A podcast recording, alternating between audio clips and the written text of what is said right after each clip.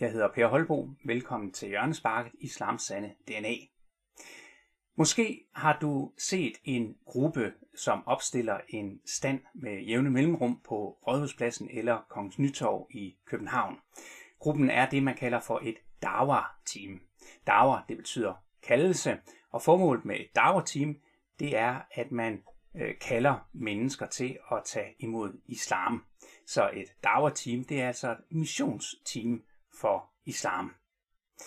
Jeg har allerede lavet to videoer, hvor jeg ser på nogle af de plancher, som det her Dawa-team har sat op, men vi er slet ikke færdige med dem endnu. En af de plancher, som teamet har sat op, det er delt i tre lige store dele. Og i dag skal vi se på den første del. I øverste højre hjørne, der finder vi et mærke, hvor der står Jesus i Koranen. Det er en meget typisk tilgang, når Dawa-team skal missionere for mennesker, der som kommer ud af en, øh, en kristen kultur. Og det er egentlig et ret genialt træk, for på den måde så får de ligesom skabt en fælles platform. En person fra en kristen kultur kender jo godt til Jesus, og langt de fleste de har et positivt billede af Jesus, også selvom man ikke nødvendigvis lige har en kristen tro. Ja, selv de, der finder kristendommen fuldstændig åndssvag, mener som regel alligevel, at Jesus var en god mand. Og på den måde, så får Dawa-teamsene, de får altså skabt en positiv forbindelse med de mennesker, som de gerne vil have i tale. For her vil de fleste, bevidst eller ubevidst, ja, de vil tænke noget i retning af, at jamen, hvis de ser positivt på Jesus, så kan det da ikke være helt galt. Men det er det. For selvom de her Dawa-teams og deres trosfælder generelt opfatter Jesus som en helt naturlig del af islam, så er den person, som i Koranen kaldes for Isa.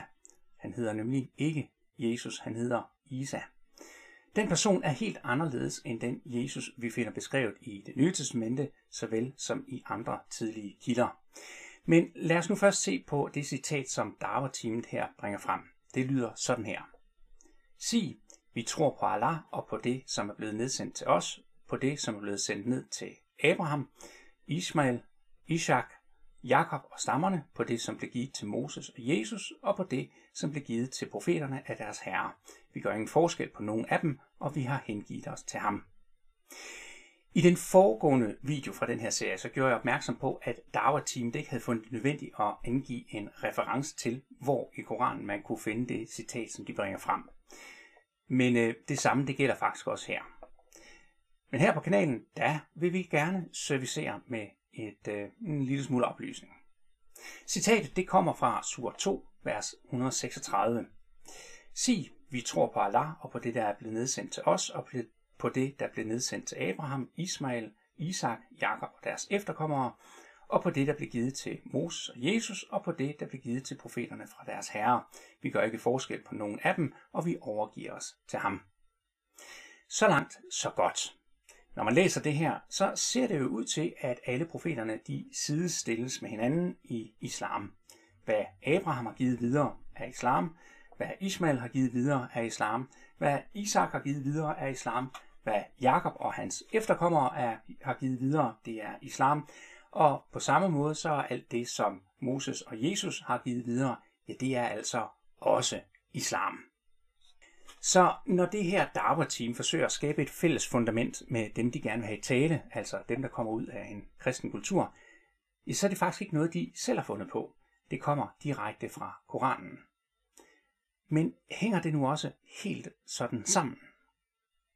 Er det budskab, som Abraham, Ismail, Isak, Jakob og hans efterkommere, Moses og Jesus kommer med, er det nu også det samme som det budskab, vi finder i Koranen? Jeg siger, det første, jeg som kristen bider mærke i, det er, at citatet her nævner både Ishmael og alle Jakobs efterkommere.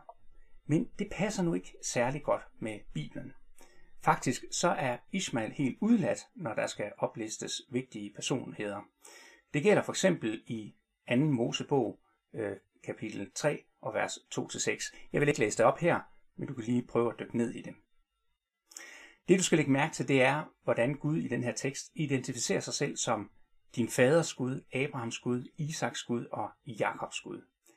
Hvor er Ismael? Puff, væk. Ismael er ganske vist nævnt i Bibelen, men han er på ingen måde en profet. Mig bekendt, så findes der ingen historiske kilder, der kan bekræfte, at der nogensinde har eksisteret et profetisk skrift fra Ismaels hånd. Faktisk er Bibelens beskrivelse af Ismail og hele misæren omkring hans fødsel, det er en tydelig tilkendegivelse af, at Ismail på ingen måde skal tages som en person med autoritet. Og lad mig lige kort gennemgå det. Ismail er Abrahams søn. Han er resultatet af, at Abraham og hans kone Sara ikke stolede på Guds løfte om at gøre Abrahams efterkommere til et stort folk. Det løfte giver Gud til Abraham gentagende gange, første gang i 1. Mosebog kapitel 12, vers 2.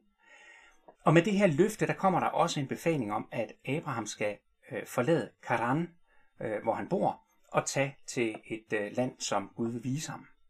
På det tidspunkt her, så er øh, Abraham 75 år gammel, så det er bestemt et løfte, der er svært at tro på for enhver. Men Abraham stoler nu alligevel så meget på Gud, at han øh, adlyder befalingen om at forlade Karan, øh, sit land, sin slægt, og drager afsted mod det ukendte. Og her skal jeg lige gøre opmærksom på, at Abraham i begyndelsen hedder Abram, og Sara hedder i begyndelsen Sarai. De får først navneændring senere. Og det siger jeg nu, så der ikke sådan skal opstå forvirring, når jeg begynder at citere fra Bibelen. Men altså, Abraham, han drager altså afsted. Men øh, omkring 10 år efter, så har Sarai stadig ikke fået børn. Og hun bliver forståeligt nok utålmodig. Så hun presser på for, at Abraham han skal se at få løst det her problem. Hun foreslår, at øh, han skal tage sig en kone mere, nemlig Hagar, som er øh, Ægypter. Saras idé er, at fordi Hagar er en trælkvinde, ja, så vil hendes øh, barn sammen med Abraham i virkeligheden være Saras barn. Og vi kender det jo godt. Selvom vi som mænd har en klar opfattelse af, at det, som vores kone gerne vil have os til, egentlig ikke er så smart, ja, så, øh, ah, ja, hvad gør man ikke for at gøre sin kone glad? Så Abraham, han går ind på forslaget, og Hagar bliver gravid. Men som du næsten kan regne ud, så løser det ikke rigtig noget. Sara bliver nemlig jaloux på Hagar. Hun siger til Abraham sådan her. Det er 1. Mosebog, kapitel 16, vers 5-6. Da sagde Sarai til Abraham, du har ansvaret for den uret, der overgår mig. Jeg har selv lagt min trælkvinde i din favn, men nu, da hun har opdaget, at hun er gravid, er hun begyndt at se ned på mig. Herren skal dømme dig og mig imellem. Abraham svarede Sarai, her har du din, træl, her har du din trælkvinde, gør med hende, som du synes. Så behandlede Sarai hende så hårdt, at hun flygtede væk fra hende. Ja, så kan det næsten ikke blive mere urimeligt. Teksten fortæller i verset for inden, at det ikke bare er noget, Sara har fundet på. Hagar ser faktisk ned på Sara, fordi Hagar har givet Abraham søn, mens Sara ikke har. Og lige så urimeligt er det naturligvis, at Abraham overgiver Hagars skæbne i hænderne på Sara, og at Sara behandler Hagar dårligt. Det er jo ikke i orden. Hagar stikker jo så altså af, men Gud møder hende ved en kilde. Han siger til hende, hun skal vende tilbage til Sara og finde sig i hendes behandling. Og så giver han hende et løfte. Det finder vi i 1. Mosebog, kapitel 16, vers 11-12. Og Herrens engel sagde til hende, Se, du er med barn. Du skal føde en søn og give ham navnet Ismail, for Herren har hørt din lidelse. Han skal blive et vildæsel af et menneske. Hans hånd skal være vendt mod alle, og alles hånd mod ham. Han skal leve på tværs af alle sine brødre.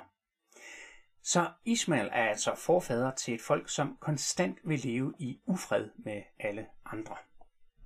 En lille sidebemærkning. Ifølge islam, så er Ismail samfar til Mohammed. Det er der værd at tænke lidt over. Men det var så Ismail. Hvad så med Jakobs efterkommere? Ja, jeg ved snart ikke, hvordan jeg skal give udtryk for, hvor vanvittigt det er. Jakobs efterkommere er jo hele det jødiske folk, inklusiv alle kongerne, og de var bestemt ikke på Guds side. Det begyndte egentlig meget godt for kong Salomon. Øh, han byggede templet, og han var kendt for sin store visdom. Men efterhånden, som tiden gik, og han blev ældre, ja, så var det ligesom om, det kørte lidt af sporet. Han havde ikke færre end 1000 kvinder i sit harem. Han dyrkede Astarte, Sidoniernes gud, og Milkom, Ammoniternes gud. Han byggede offerhøje blandt andet for Kemos, Moabiternes gud, og i det hele taget så gjorde han, hvad der var ondt i Herrens øjne. Alt det kan du finde i første kongebog, Øh, kapitel 11, vers 1-8. Efter kong Salomon, så kom en lang række af konger, hvoraf kun nogle få gjorde det rette. Langt hovedparten dyrkede andre guder. Ja, nogle af dem dyrkede endda guden Moloch, og de lod deres børn gå gennem ilden for Moloch. At gå igennem ilden for Moloch, det var et ritual, hvor man placerede et spædbarn på armene af en bronzestatue af guden Moloch. Og i bunden af den statue, der var der sådan et, et hulrum. Og der smed man noget brænde ind, og så satte man ild til det. Så havde man simpelthen sådan et bål under øh, øh, statuen af, af guden Moloch. Og som enhver nok kan regne ud, så når sådan en bronzestatue den varmes op af et øh, rasende bål, ja, så bliver den altså glohed, også på armene, hvor spædbarnet ligger. Og det spædbarn, der er bundet fast til statuens arme, det bliver stegt levende. Hvis budskabet fra Jakobs efterkommere sådan generelt er det samme som budskabet i Koranen, så går Koranen altså ind for afgudstyrkelse og ofring af spædbørn ved at blive stegt langsomt på armene af en glohed bronzestatue. Velkommen til islam.